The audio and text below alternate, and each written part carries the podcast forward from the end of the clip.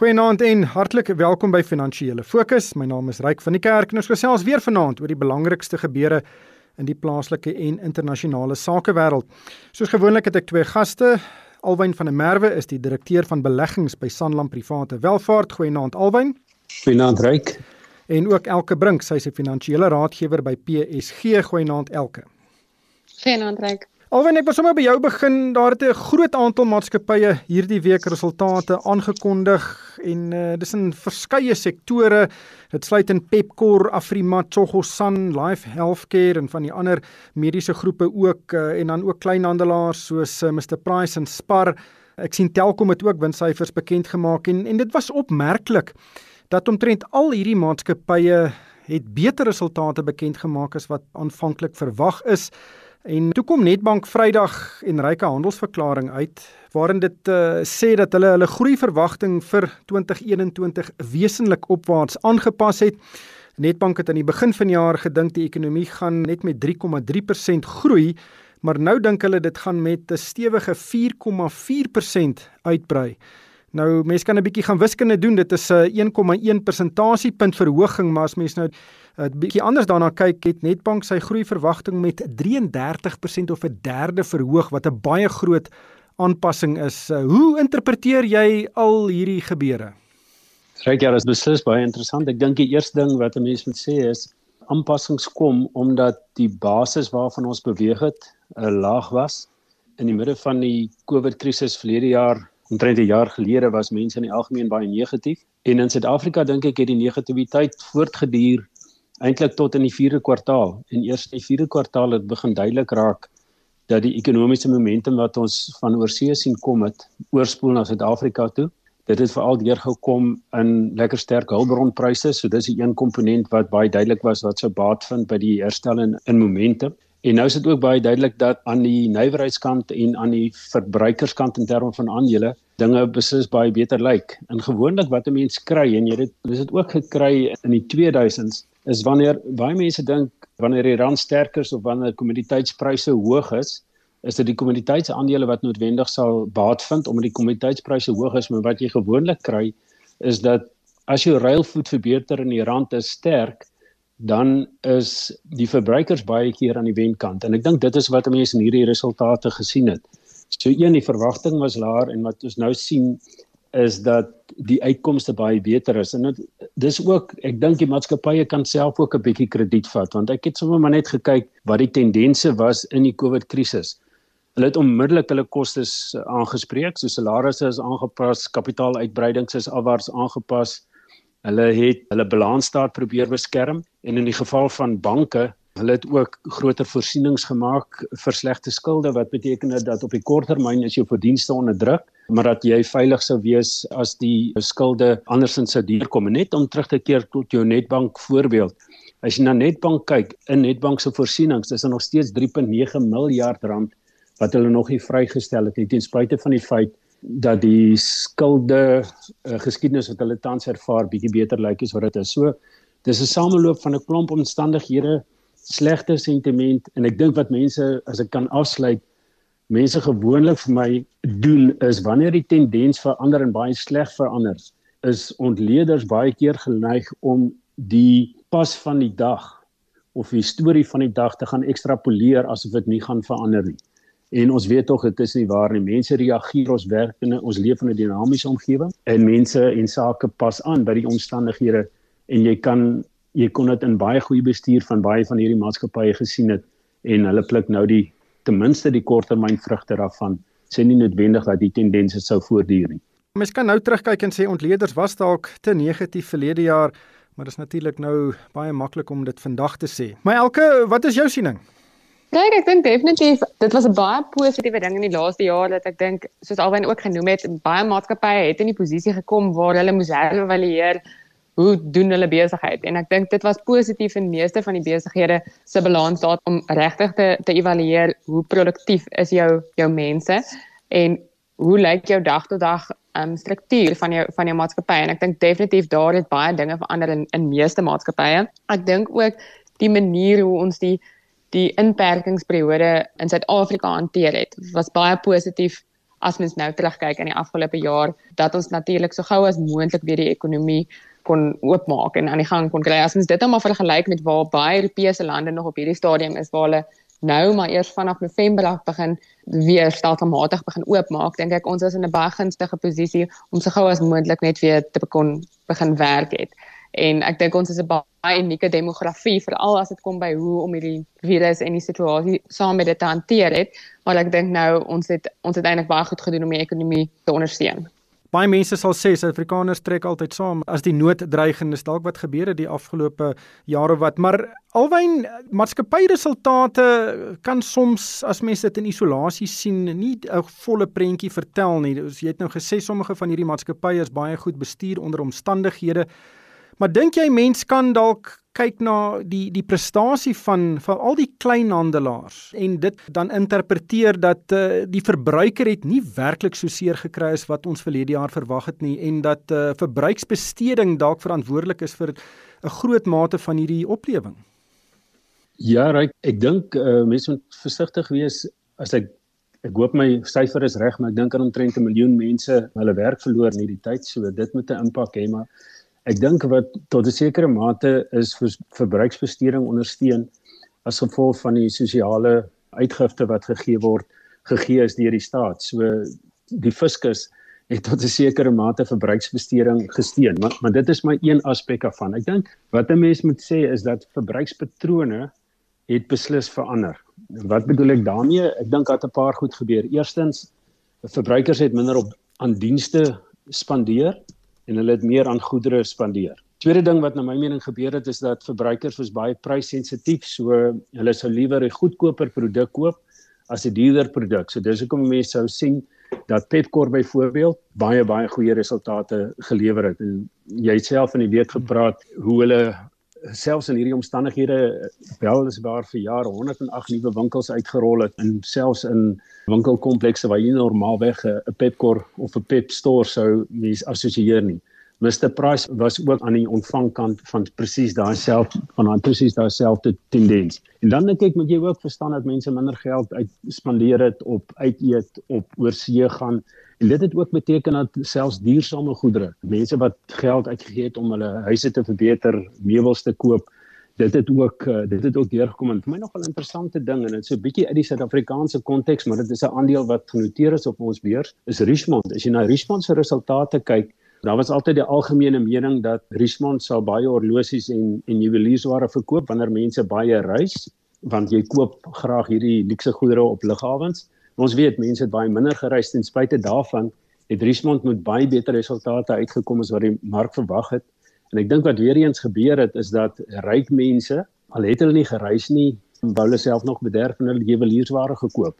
Is maar net nog 'n voorbeeld dat jy kry, ek dink daar het presies vir hierdie era het daar verandering in investeringspatrone gekom wat ek dink deel van dit gaan semi-permanent wees, maar ek dink jy gaan ook sien dat van die goed terugkeer na normaal toe as mobiliteit totaal oopgaan hopelik in die volgende jaar of so. Ja, ek dink dis 'n baie baie interessante gevalle studie. Ek is seker daar gaan nog baie gevalle studies vir MBA programme geskryf word oor wat ons die afgelope jaar gesien het. Maar elke ek wil gesels ook oor die rentekoers. Netbank het gesê hulle verwag dat die rentekoers vanjaar stabiel gaan bly en dat dit aanstaande jaar met 1 persentasiepunt gaan toeneem, maar hulle sê steeds dat ons gaan in 'n in 'n lae rentekoersomgewing bly vir ten minste die die kort en medium termyn. Hoe sien jy ons rentekoers toekoms? Ek dink dit gaan interessant wees. Ek dink op die stadium ek het gewonder of dit vroeër moontlik gaan verhoog gaan word en ek dink hoe vinnig hulle die verhogings na mekaar gaan doen gaan vir my ook interessant wees wanneer ons op daardie punt kom. Ek dink op die stadium help dit definitief met die stimulasie van die ekonomie.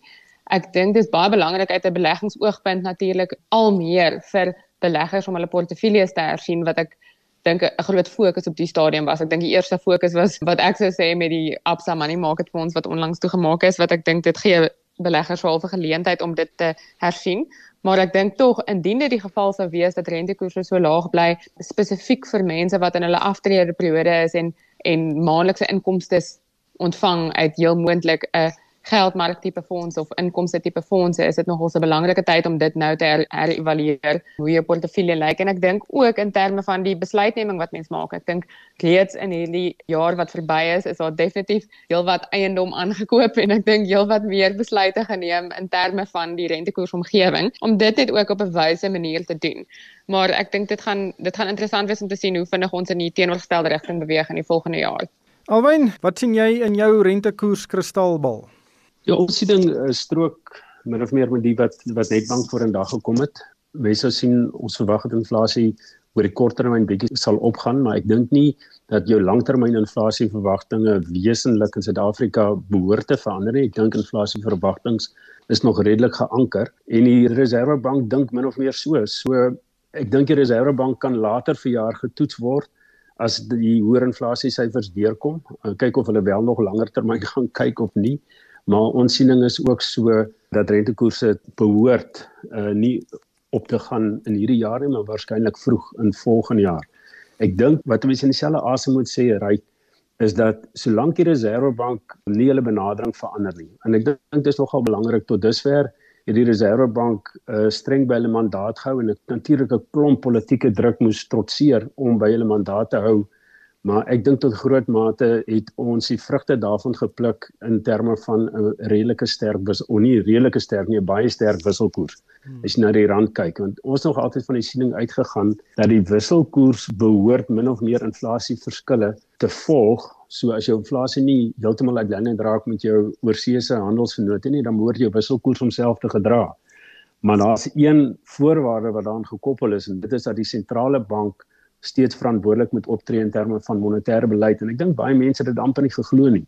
En toe die rand R19 teenoor die dollar toe uitgeblaas het jaar gelede, het baie mense gedink dit is dalk 'n nuwe tendens. Dit was drie standaard afwykings hoër as wat ons gedink het die rand moet werd wees en nou verhandel die rand in terme van kom ons as ek 'n aardige woord kan gebruik koopkrag pariteitsteorie, maar dit is maar net kom ons sê die teoretiese waarde wat ons op die rand sit as ons na inflasie verskille kyk, verhandel die rand presies waar hy behoort te verhandel. Maar ek dink dit is baie belangrik vir die verbruiker dat die rand homself moet gedra en dat inflasie homself moet gedra. Ja, ons het dit gesien net na die 2000 krisis, ons het dit gesien net na die 2008-2009 krisis en ons het dit nou weer gesien dat die rand net absoluut uh, sy wind uitval maar dan daarna weer opstaan en herstel.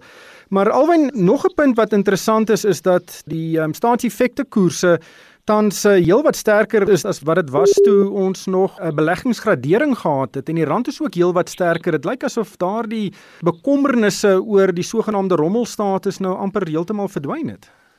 Ja, ek dink dit dit sal maar altyd weer opvlam as die mark lus is om weer daaroor te praat. Ek dink as ander belangriker goed om oor te praat op die oomblik. Ryk, weet jy, as ons na die goed gekyk het en ek ek is so 'n bietjie ouer as baie analiste, so ons kon al deur 'n paar patrone werk, maar dit was my in die onlangse verlede, kom ons sê oor die laaste 5 jaar.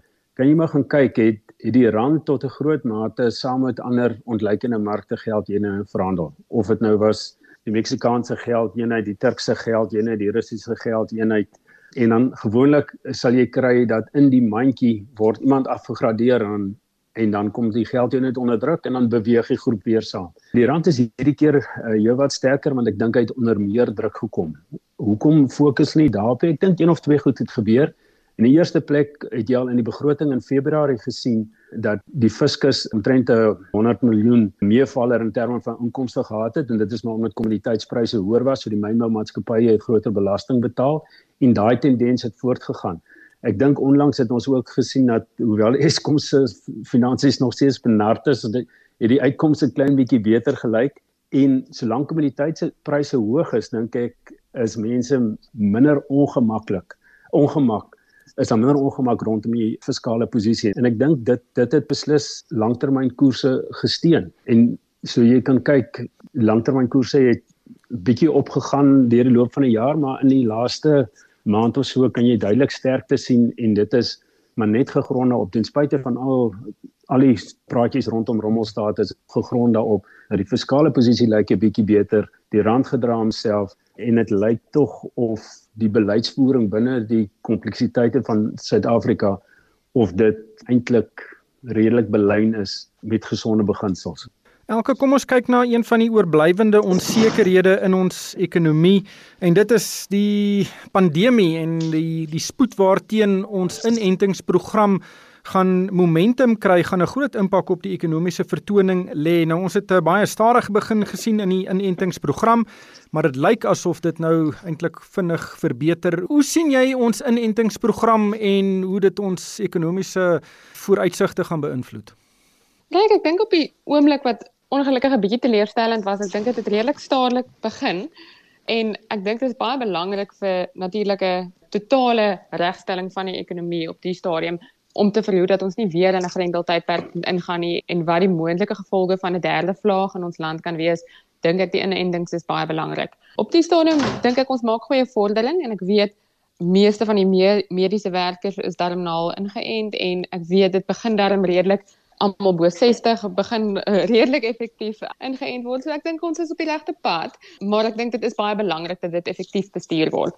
Dat daar nie 'n derde of 'n vierde vlaag nog wesenlike ekonomiese impakte op ons land het nie. Ek weet daar is 'n groot globale fokus om vir die hele Afrika ook nog te te voorsien van inentings en ek weet daar's 'n fokus in die private sektor ook uit 'n Discovery Health se oogpunt en ek seker daar gaan nog mediese fondse wees wat ook graag sal natuurlik betrokke word op dit maar ek glo sodra dit ook meer in die private sektor gedoen word gaan dit baie effektief wees in terme van al die verskillende kategorieë wat wat ingeënt word. Ons gaan 'n uh, derde golf sien. Ek dink dis onverwendbaar Maar alwyn ek het hierdie week gesels met iemand van Netcare en dit is baie duidelik dat die hospitaalbedryf ten minste het geleer uit die eerste en die tweede golwe. In die eerste golf was die gemiddelde tyd wat 'n pasiënt in die hospitaal deurgebring het 21 dae en in die tweede golf was dit uh, as ek reg onthou net 9 dae. So daar's 'n baie skerp leerkurwe en ek neem aan dit gaan nie net in die hospitale gebeur nie, dit gaan ook by ondernemings gebeur wat nou hulle bedrywighede aanpas. Sou ons nou strenger inperking maatreëls binnekort sien? Ja, glo so ryk.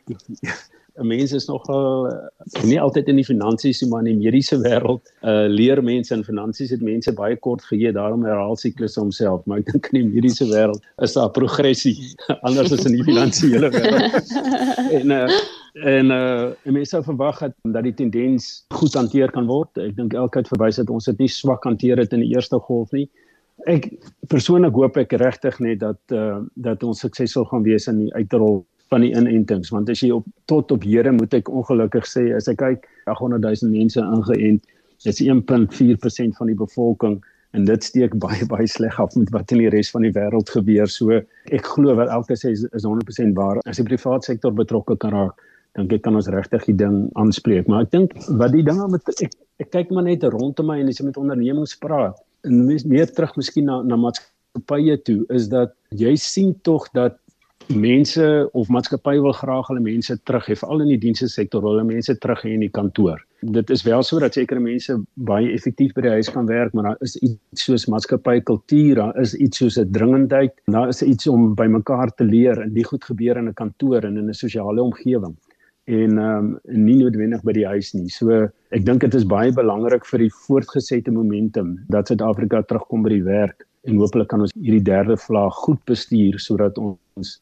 uiteindelik kan terugkeer na normaal toe want ek dink maatskappye het dit nodig vir die voortgesette sukses wat ons nou in hierdie laaste 3-4 maande gesien het. Ons sal daar met Haltroep. Baie dankie Alwyn van der Merwe. Hy is die direkteur van beleggings by Sanlam Private Welvaart en ook Elke Brink, sy is 'n finansiële raadgewer by PSG.